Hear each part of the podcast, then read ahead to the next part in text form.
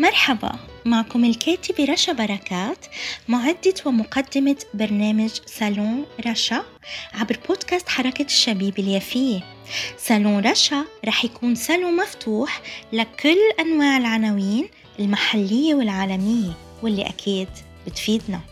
اسمعونا على منصات التواصل الاجتماعي والتطبيقات Spotify Podbean Google وابل وطبعا على الفيسبوك بصفحتي بودكاست حركة الشبيب اليافية وحركة الشبيب اليافية.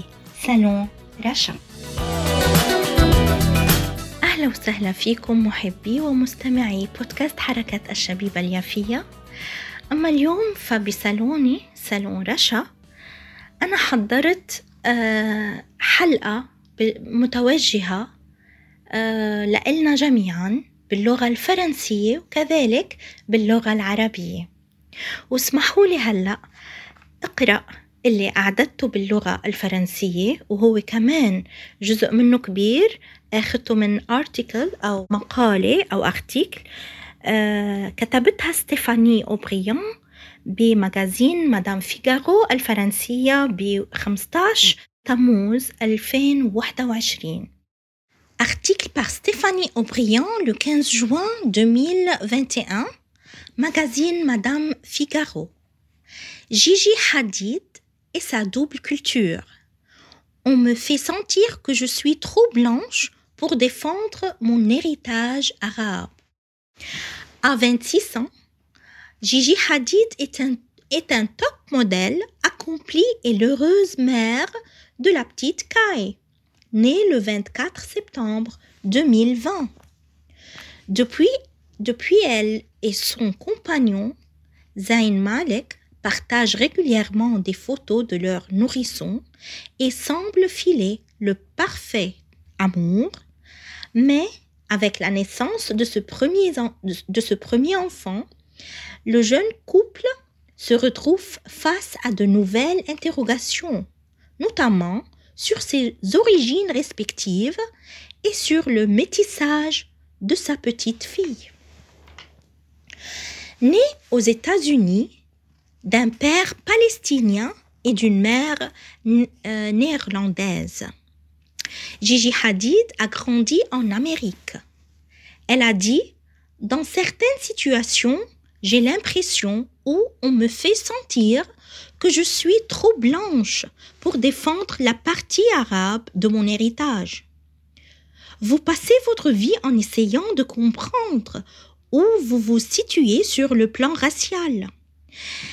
Est-ce que ce que je suis ou ce que je possède est suffisant pour faire ce que je pense être juste?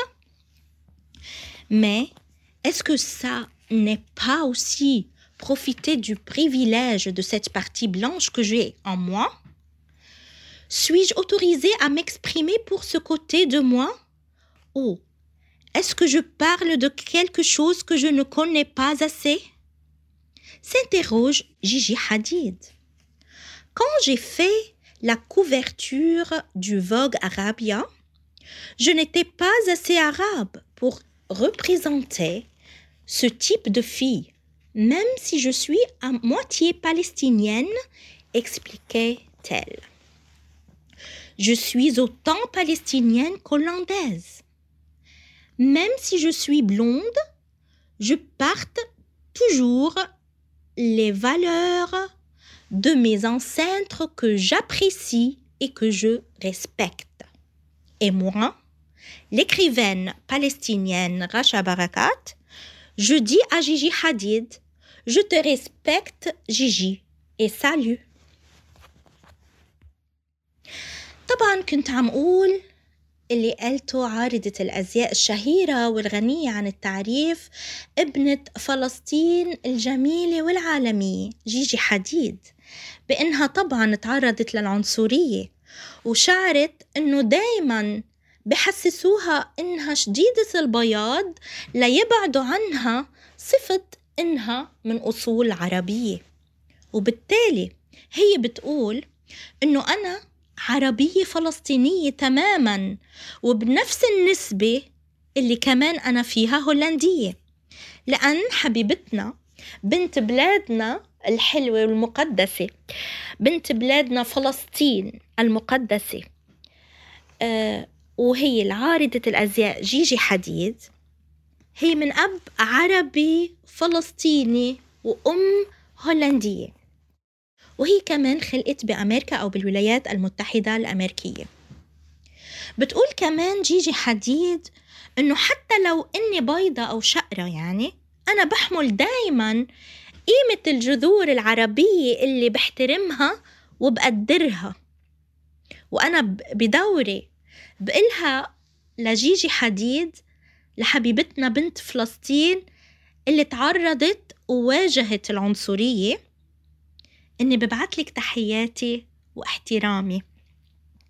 وهاي العنصرية مش رح نخلص منها بس بالتأكيد علينا نواجهها بكل رقي ونجاح وتفوق ونضل ثابتين ما نهتم لإشي وكمان بختم قعدتي بصالوني صالون رشا بإني وجه لكل عربي فلسطيني.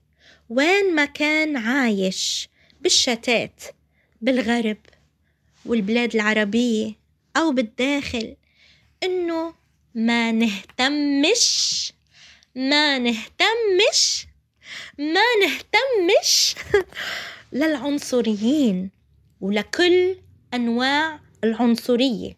وخلينا نستمر خلينا نستمر وخلينا نستمر أما هلأ أعزائي متابعي ومستمعي ومحبي بودكاست حركة الشبيبة اليافية اسمعونا على منصات التواصل الاجتماعي والتطبيقات مثل Spotify Podbean Google أبل وطبعا على الفيسبوك وبصفحتي. بودكاست حركة الشبيبة اليافية وصفحة حركة الشبيبة اليافية بودعكم وتحياتي للجميع. سالون رشا.